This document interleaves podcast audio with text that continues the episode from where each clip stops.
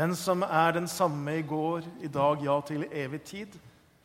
Du er den som alltid står fast.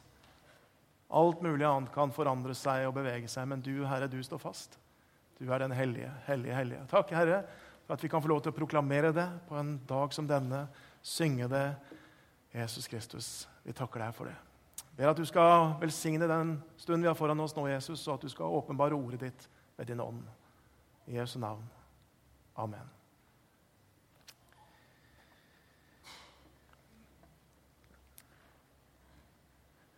Vi skal dele en tekst sammen eh, som er helt enig med Malvin. En av de flotteste og rikeste tekster som finnes i Det nye testamentet. Eh, jeg har bare lyst til å dele en liten historie som jeg hørte fra en, eh, en menighet som eh, er litt mer liturgisk enn denne menigheten her i hvert fall vanligvis er. Og Presten i denne menigheten han startet alltid hver eneste gudstjeneste med å si 'Herren være med dere'. Og så svarte forsamlingen, sånn som de var opplært, 'og med deg'. Eller 'også med deg'.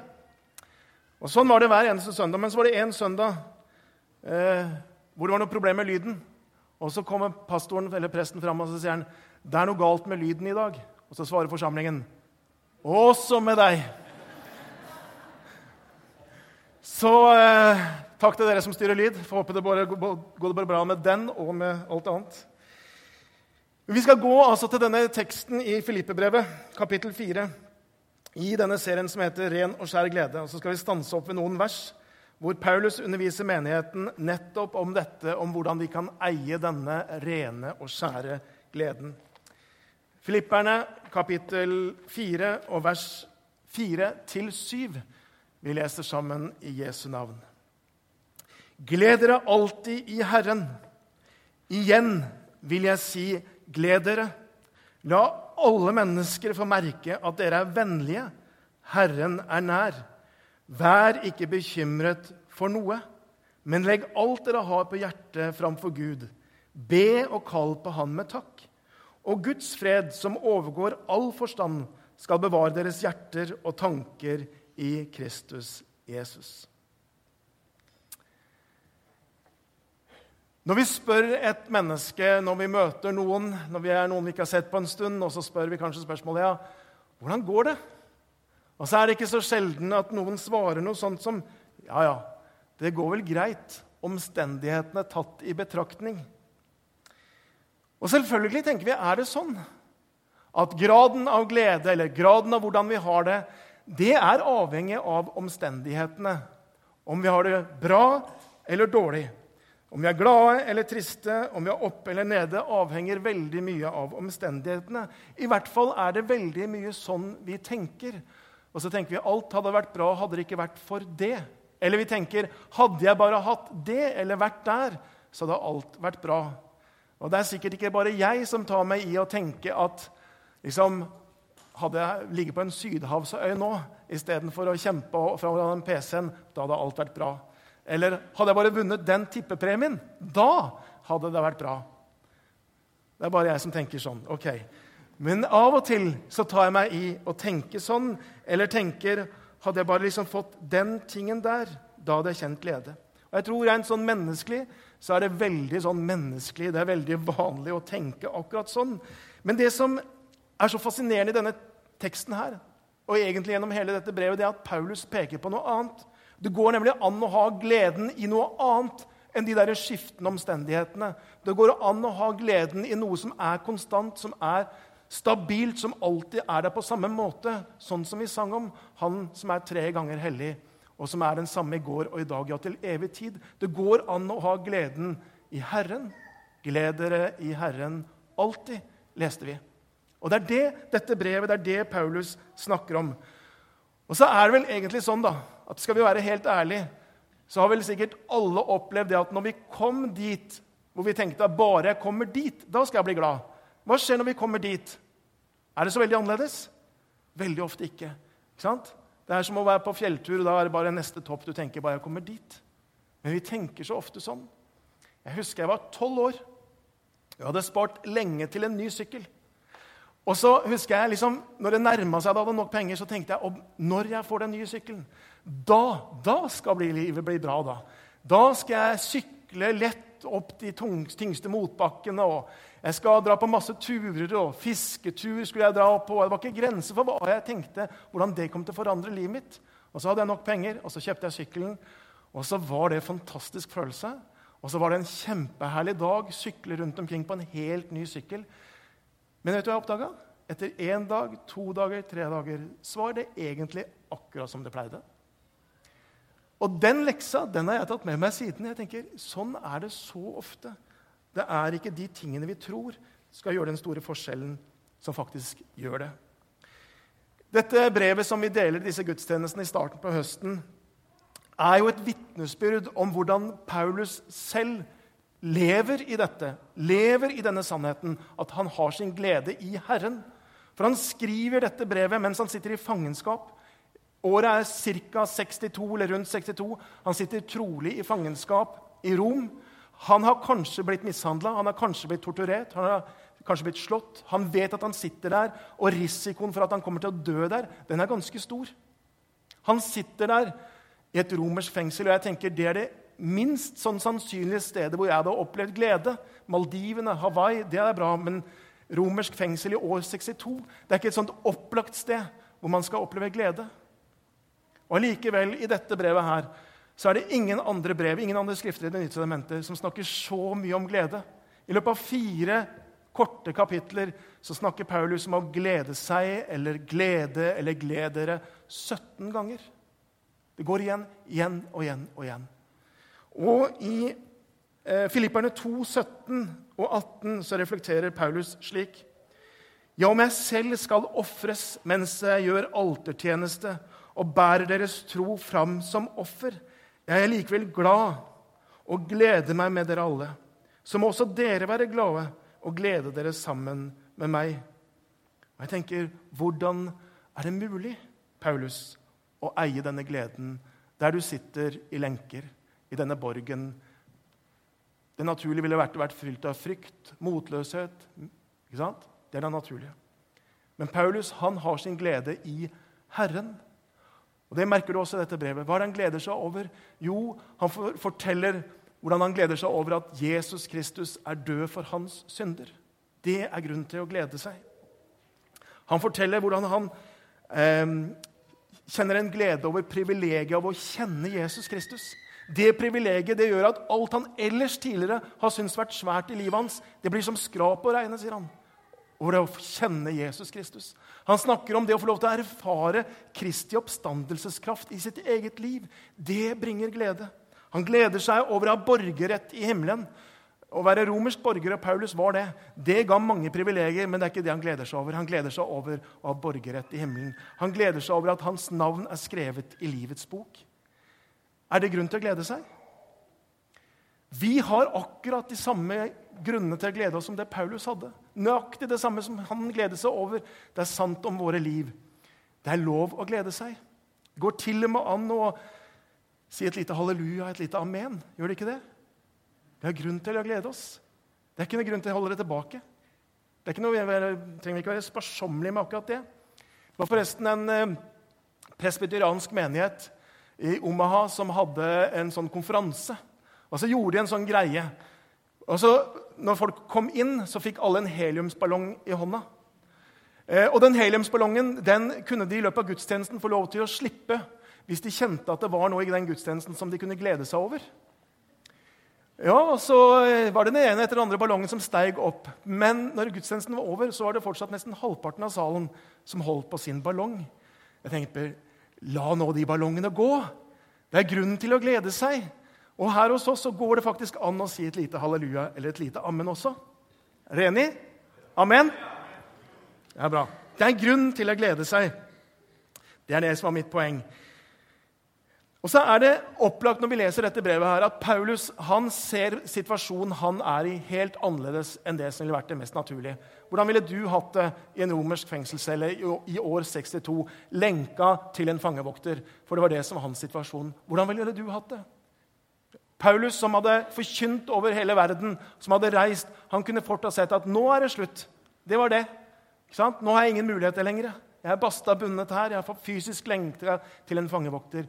Og Isteden gjør Paulus det helt om, og så sier han følgende i, i, i Teksten kommer her, Filipperne 1, eh, og fra vers 12.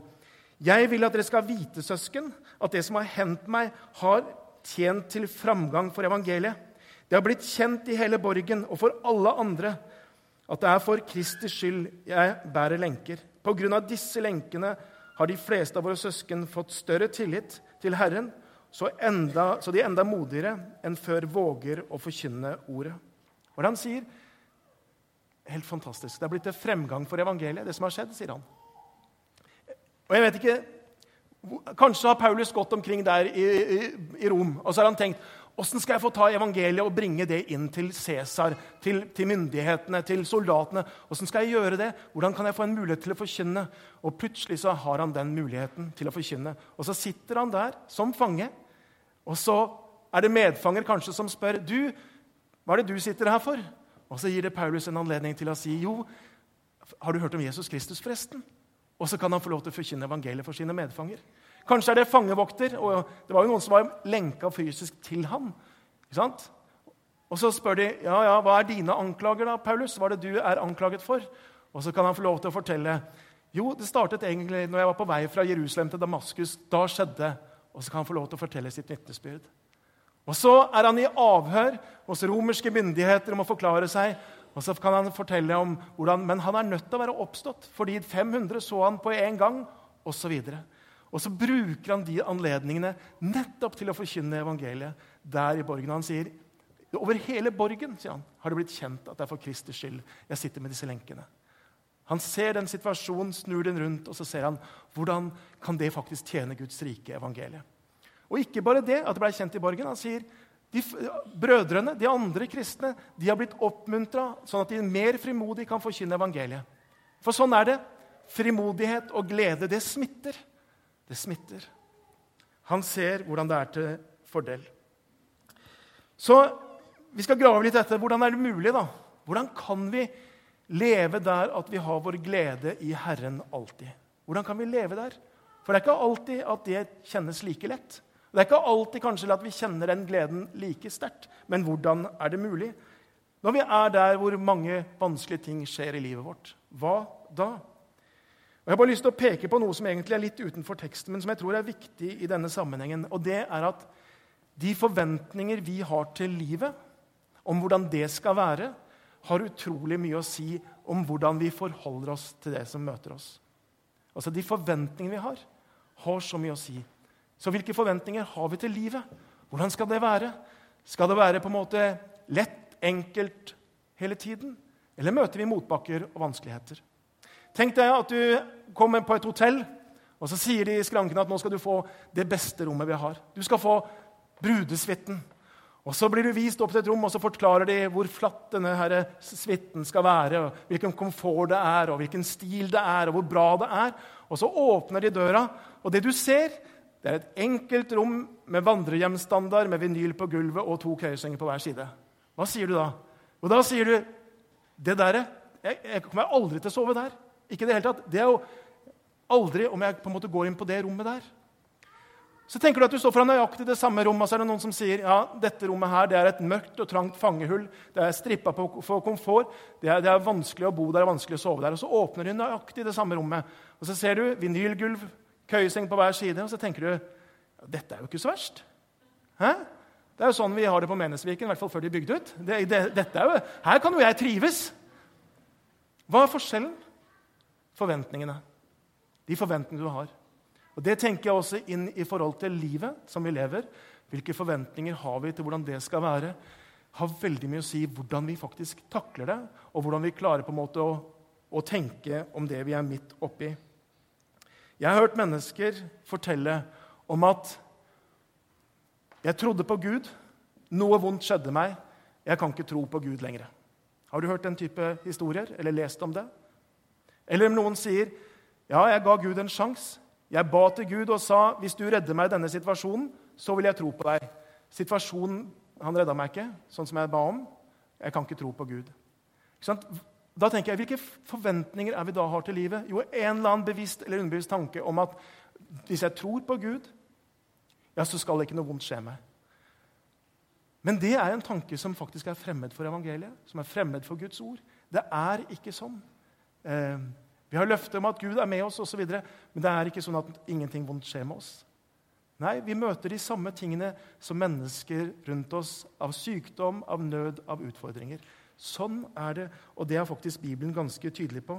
Disippelen Peter han skriver det sånn i sitt brev.: Mine kjære, vær ikke forundret over den ildprøven dere må igjennom, som det hendte dere noe uventet, sier han.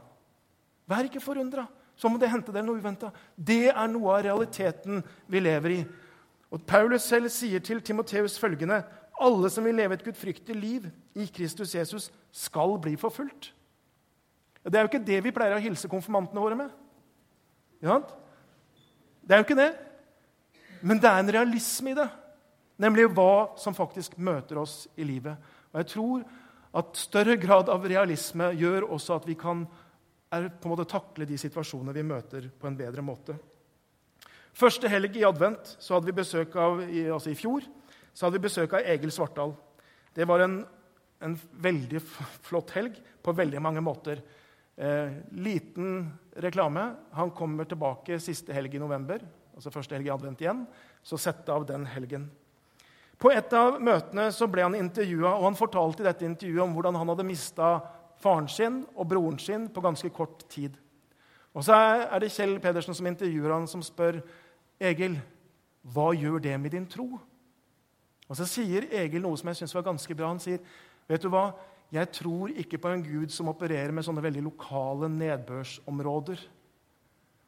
Han sier, 'Jeg tror på en Gud som lar sola stå opp over onde og gode', som lar regnet falle på gudelige og ugudelige. Og så siterer han Jesus i Matteus 5. Derfor, fordi Egil hadde denne på en måte forventningen, ja, så sier Egil, derfor så er det ikke på en måte noe trosmessig problem når jeg møter sorg, når jeg møter smerte. Det er faktisk noe av livet som der er nede. Jeg tenker Det hjelper oss i å møte livets vanskeligheter. Men hva er det Bibelen har lovet, da? Og Det er det vi skal komme til nå. Det Bibelen lover oss, er ikke at vi skal slippe utfordrende og vanskelige situasjoner. Men løftet er at Han er nær. Herren er nær, står det her. Det er det Bibelen lovet oss. I de ulike situasjoner vi møter, i vanskeligheter og utfordringer.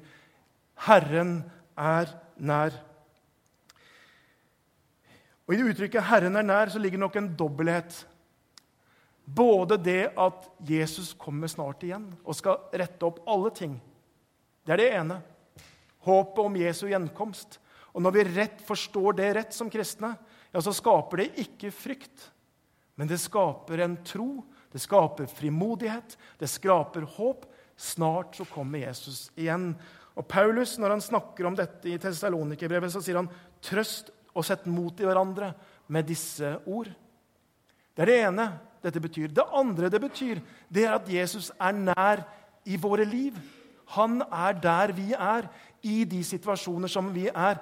Der er Jesus Kristus. Og det er et ekko av Jesus sitt løfte i Matteus 28, hvor han sier, 'Og se, jeg med dere alle dager inntil verdens ende.' Jeg er med deg. Jeg er med deg der du går i din motbakke. Jeg er med deg der du går i ditt mørke. Jeg er med deg der du går, i din vanskelige situasjon, i din sykdom, i det som er ditt fengsel i livet. Jeg er med deg. Det er det Gud har lovet. At han er med oss. Og det gjør hele forskjellen. Det gjør hele forskjellen. David han sier det sånn Om jeg skulle vandre i dødsskyggens dal, frykter jeg ikke noe vondt, for du er med meg. Din kjepp og din stav, de trøster meg. Så det er situasjonen. Så vet jeg ikke hva det er som er på en måte din situasjon nå, hva som er ditt mørke, ditt fengsel, eller hvordan det er, men det du skal vite, det er at Jesus, han er der. Hos deg. Ved din side.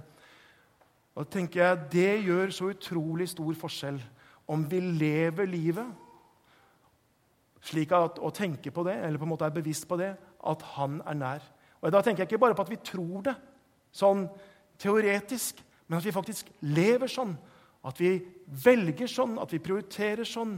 At vi på en måte har den livsstilen, erfaringen, at her er Jesus rett ved min side. Herren er nær. Så det er det som Bibelen lover. Herren er nær. Det gir grunn til glede. Det er mulig da å glede seg alltid i alle sammenhenger. Og I denne sammenhengen her, hvor Paulus snakker om å glede seg i Herren alltid, og at Herren alltid er nær, så tar han opp et tema som etter min mening er gledens største fiende. Og hva er det? Hva er gledens største fiende? Jo, det handler om, sånn som det står i eh, vers 6 i kapittel 4, Vær ikke bekymra for noe, men legg alt dere har på hjertet, framfor Gud. Be og kall på Han med takk. Vær ikke bekymret for noe. Bekymring. Har du opplevd det i ditt liv? Min opplevelse er at det er ingenting som er gledens motsats større enn det. Det går ikke an å være veldig bekymra og veldig glad samtidig. Det er som ild og vann. Det er som kulde og varme. Det er motsetninger. Det ene utelukker nærmest det andre. Vær ikke bekymra. Og mens det å bli redd for noe det er jo noe som på en måte kan sette fart i oss. ikke sant? Vi kan kjenne hvordan det samler oss, og vi kan på en måte få energi til enten å kjempe eller å flykte. ikke sant? Redsel oppleves sånn. Mens bekymring, hvordan er det? Ja, Det er ikke sånn. Det er bare den der nagende klumpen i magen, den der kloa som sitter der, og så kjenner du at energien bare siver ut. Sånn er bekymring. Mens når vi blir redde for noe, fylles med adrenalin. Det er som tida står stille, og vi blir på en måte, alt blir klart. Bekymring er det rake motsetningen. Vi mister fokus og mister konsentrasjon, og vi kjenner oss dratt i alle retninger. En som hadde jobba mye med det med bekymringer, hadde hatt mange mennesker i samtale og hadde på en måte ført en liten sånn logg. Hva er det folk bekymrer seg over? sa følgende. 40% av det mennesket bekymrer seg over, kommer aldri til å skje. Hypotetiske bekymringer. Hvis at det om. 30% av det vi bekymrer oss for, det er ting som har skjedd, som ligger i fortiden. 12% av det vi bekymrer oss for, det er ting som noen har sagt til oss eller om oss. Og det handler jo strengt tatt mer om de enn om oss. 10% av våre bekymringer er over vår helse, som antageligvis blir bare dårligere jo mer vi bekymrer oss. Og så sier han 8% av våre bekymringer er reelle problemer som vi på et eller annet vis vil møte. Så det betyr jo og ta prosentene med et stort eh, klype salt. Men poenget er at veldig mye av det vi bekymrer oss for, det kommer aldri til å skje. Det er det. Det kommer aldri til å skje. Og vi får aldri gjort noe med det. Allikevel så bruker vi så mye energi, så mye krefter, og lar det ta oss så langt ned mange ganger. Når det gjelder bekymring, så føler jeg egentlig at det er ganske god kompetanse. Jeg har sagt det før, men jeg har nok en tendens til å bekymre meg for mye og for mangt. Og Sånn tenker jeg, sånn har jeg opplevd det egentlig så lenge jeg kan huske. Som barn, som ungdom, og ikke minst i den der fasen hvor jeg skulle bli voksen. og jeg på en måte skulle stå på egne bein og bekymre meg for klarer jeg skolen. Kommer jeg noen gang til å få en jobb? Eh, kommer jeg noen gang til å bli gift? Eh, ikke sant? Alle de der bekymringene. Og så merker at det er noe som tar meg igjen i ulike faser av livet. Og så er det litt sånn, Du kommer inn i noen ting, og så kommer du ikke ut av det. Og så kan jeg ha bekymra meg for barna, for familien, for økonomi osv. Jeg har god kompetanse på det. Jeg har gått stadig runder, og så lærer jeg også noen ting underveis. heldigvis. Og noe av det som har hjelpa meg, det er disse ordene her som Paulus taler til oss i dag. Det er noe av det som har hjelpa meg. For hva er det han sier her? Jo, han starter sånn Vær ikke bekymret for noe. Og Så langt er det jo ikke den store hjelpen. Er du enig i det? Hvis du vet hva det er å bekymre deg, og du møter noen som sier nei, men det er jo ingenting å bekymre seg for, hjelper det? Nei. Eller hvis noen sier du skal ikke bekymre deg. Det hjelper jo ikke det i det hele tatt. Hvis du er der at du bekymrer deg, så blir jo det der bare verre. For du tenker ja, hvis ikke han bekymrer seg for det, så må jeg liksom bære hans bekymring også. Ikke sant? Det blir jo enda verre. Det er nesten provoserende. Men Paulus stanser ikke der. Han sier noe mer. Han sier, 'Vær ikke bekymret, men legg alt dere har på hjertet framfor Gud.' Be og kall på ham med takk. Det er genialt. Når du er der at du har disse bekymringstankene, så sier Paulus la de bekymringstankene være en påminning, la det være en trigger til å be. Ta de tankene der som uroer deg, og så legger du de, formulerer du de, og så legger du de fram for Gud. Og så er det en utrolig stor forskjell. Når du på en måte er så fullt av de der tankene, og det bare kverner og kverner, og du snakker med deg sjøl hele tiden, så sier Paulus slutt å snakke bare med deg sjøl. Formuler de tankene og presenter det for Gud. Det er himmelvid forskjell. Bare prøv det. Når du er der på natta, at du våkner opp og du tenker åssen skal jeg få sove igjen, for jeg tenker så på det, så sier Paulus stopp opp, og så legger du de tankene over på Gud. Og så er det en helt stor forskjell. Det er noe annet. Jeg mener, Du er jo oppe likevel, så du kan like så godt be. Legg det fram for Gud. Det er det Paulus sier. Og så trenger vi ikke tenke sånn at ja, men det jeg bekymrer meg for, det er jo så lite. Tenk på all nøden i verden. Jeg kan ikke forstyrre Gud med dette. Eller man tenker ja, min lille influensa som jeg nå er bekymret meg for i forhold til eksamen, jeg kan ikke be Gud om å helbrede det. Det er så mange som er så mye sykere enn meg. Men, det, men se hva Paulus sier her. Legg alt dere har på hjertet, framfor Gud. Ja, Vi trenger ikke å filtrere. Vi trenger ikke å sile. Er det på ditt hjerte, så vil Gud at du skal legge det fram for ham. Og så står det 'be og kall på Han med takk'. Be og kall på Han med takk. Jeg må si noe annet før det. Um, når vi bekymrer oss, så kan vi ikke gjøre noe med all vår bekymring. Altså, vi kan bekymre oss i dagevis, og det problemet eller den utfordringen vi bekymrer oss over, den forandrer seg ikke noe. Og det er helt riktig når Jesus stiller det retoriske spørsmålet i Matteus evangeliet kapittel 6. Hvem av dere kan med all sin bekymring legge en eneste alen til sin livslengde? Og svaret er selvfølgelig ingen. Sant? Vi kan ikke legge noe til på vår livslengde med all vår bekymring. Antageligvis blir både helse og livslengde kortere når vi bekymrer oss. Men om vi ber om vi tar den bekymringen og så bærer vi det fram for Gud i bønn, hva da? Ja, da kan faktisk Gud gjøre noe med den situasjonen. Da kan Gud handle. Han kan gjøre noe med den situasjonen som vi bekymrer oss for. For det er en sånn Gud vi tror på. Ja, så er det ikke sikkert at svaret kommer akkurat sånn som vi tenkte. eller akkurat på det tidspunktet vi tenkte. Men Bibelens beskrivelse av Gud, det er dette at Han som virker i oss med sin kraft, kan gjøre uendelig mye mer om det vi ber om og forstår. Det er det løftet vi har. Så når vi ber, så kan faktisk Gud gjøre mer. Han kan gjøre noe med situasjonen. Og ikke bare det, men Gud kan også gjøre noe med oss når vi ber. Idet vi tar vår bekymring og presenterer den framfor Gud, så kan Gud gjøre noe med oss som ber. Og det siste verset vi leste i dag, vers 7 i kapittel 4, så står det Og Guds fred, som overgår all forstand, skal bevares deres hjerter og tanker i Kristus Jesus. Tenk på det. Det er fantastisk.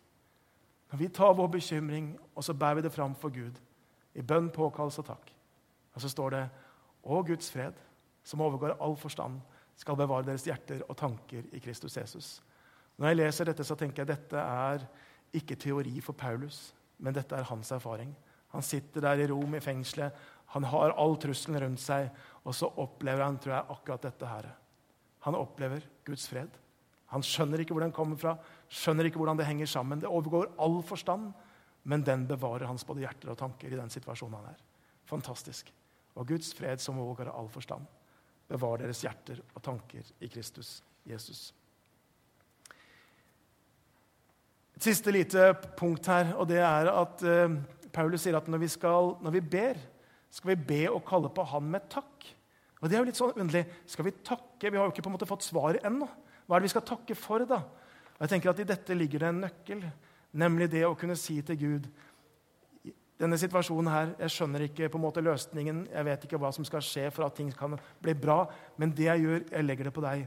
Og så takker jeg for at du ser det jeg ikke ser. At du vet det ikke jeg vet. At du ser det store bildet der jeg ser det lille. Og ved at vi gjør det, ja, så skaper det en frihet i våre liv. Vi slipper å være Gud. Ved å takke så aksepterer vi at det er han som er Gud. Han har kontrollen. Det er ikke jeg som trenger å ha den. Vi kan få lov til å takke Gud for at han ser det større bildet. Og Så hender det noen ganger da at kanskje vi oppdager at nettopp for at det ble ikke helt sånn som vi trodde, eller det ble ikke helt sånn som vi tenkte, kanskje var nettopp det en del av det større bildet.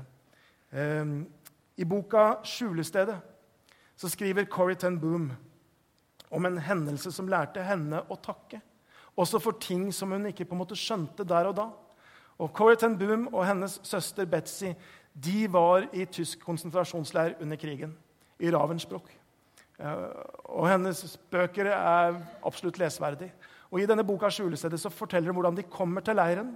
og De går inn i den brakka hvor de skal bo, og så oppdager de når de kommer, at den brakka her den er full av lopper. Det er lopper overalt, i alle sengene og alle kringelkråker. Og så Første morgen de er der, ja, så hadde de fått smugla med seg en bibel inn. Så har de et lite bibelstudie på morgenen.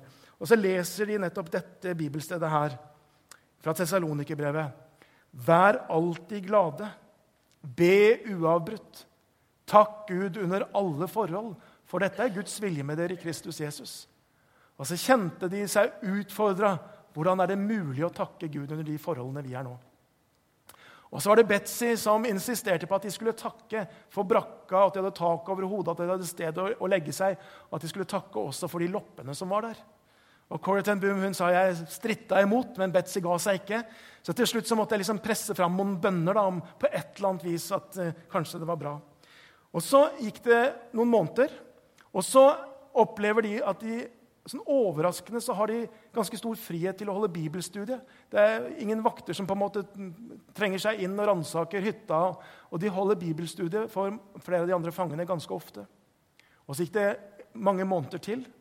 Og så skjønner de, eller de får høre, at brakkene de ville ikke gå inn i denne, eller vaktene ville ikke gå inn i denne brakken. Det var ingen som ville gå inn i den brakka der. Hvorfor? De ville ikke ha de der loppene. Ikke sant? Så det som så ut som en slags straff med alle de loppene, det ble en velsignelse for dem. Og Kanskje er det sånn noen ganger i våre liv at det som vi tenker, vi må ha vekk den situasjonen, og så isteden er det en mulighet for et eller annet. Sånn som Paulus. Han sitter der i romersk fengsel. og så kan, Hvorfor frir ikke Gud meg ut? Han har gjort, han kan gjøre det. Og så var det en mulighet for evangeliet til å gå fram. Gud ser det større bildet. Det går an å eie en glede dere, som er uavhengig av situasjonen, som har sin rot og sin grunn i Jesus Kristus, i hvem han er og hva han har gjort for oss. Det gir grunn til glede. Det er mulig å leve med en erfaring i alle situasjoner, også når det er mørkt omkring oss, at Jesus, han er nær. Og så kan vi ta alle våre bekymringer, og så kan vi få lov til å legge de framfor Gud. Kaste de på Herren, som det står et annet sted. Og gjøre de om til bønner, slik at Gud kan gjøre noe med situasjonen, og at han kan gjøre noe med oss. For det er makt i de fallede hender. I seg selv er de svake og små, men mot allmaktens Gud du dem vender. Han har lovet at svar skal du få. Gjør bekymringene til en bønn. Skal vi be. Kjære Jesus Kristus.